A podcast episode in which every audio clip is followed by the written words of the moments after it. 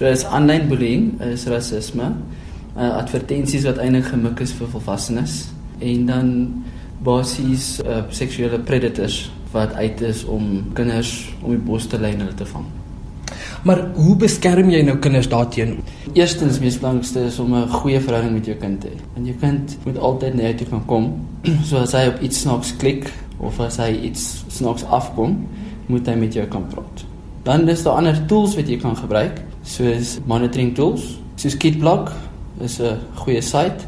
Verder kan jy ook tools gebruik soos parental controls om te sien presies wat jou kind op klik.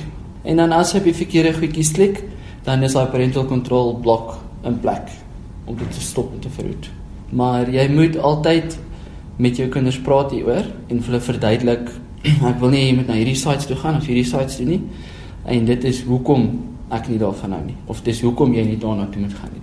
Watter kinders of watter ouderdomsgroep is veral in gevaar? Meeste van die tyd sal tussen 0 en 10 wees. Die rede daarvoor is onthou kinders om aanlyn te wees is baie natuurlike ding vir hulle.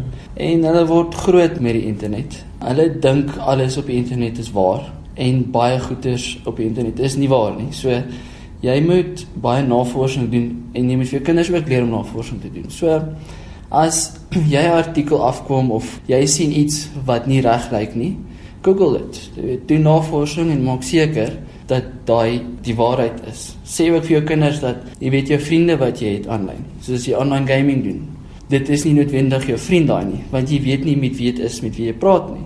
So wees versigtig waaroor jy praat en as jy ou snaaks so goed vir jou tik wat jou ongemaklik laat voel, moet jy kan praat met jou onderwyser of met jou ma of jou pa of jou ouer boetie of sussie as hulle ouer is sodat daai gevare geïdentifiseer kan word.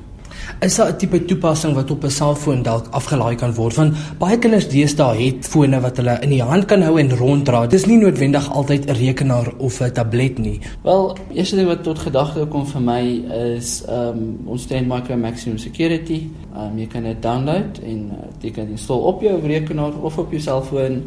Dit is 'n antivirusprogram, maar dit het ook parental controls in. So parental controls is vir Trend Micro baie baie belangrik. Ons het selfs ons eie Internet Safety for Kids program wat ons nou die laaste 9 jaar of so hardloop. Dit is 'n goeie manier om kontrole te hou.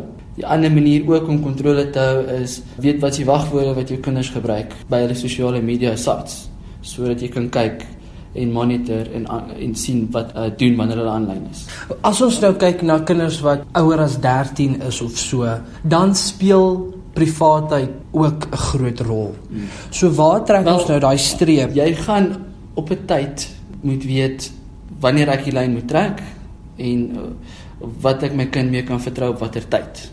So jy moet nog steeds jou parental controls in plek hou. Nog steeds seker maak uh, wat jou kinders doen. Vir as hulle bo 13 is, moet jy op die, op die sosiale sites wat hulle is, jy moet maar ook op daai sites wees sodat jy kan sien wat hulle doen. So jy moet vir jou kinders ook leer as jy program of applikasie aanlyn program gebruik soos 'n Facebook app of WhatsApp of Snapchat.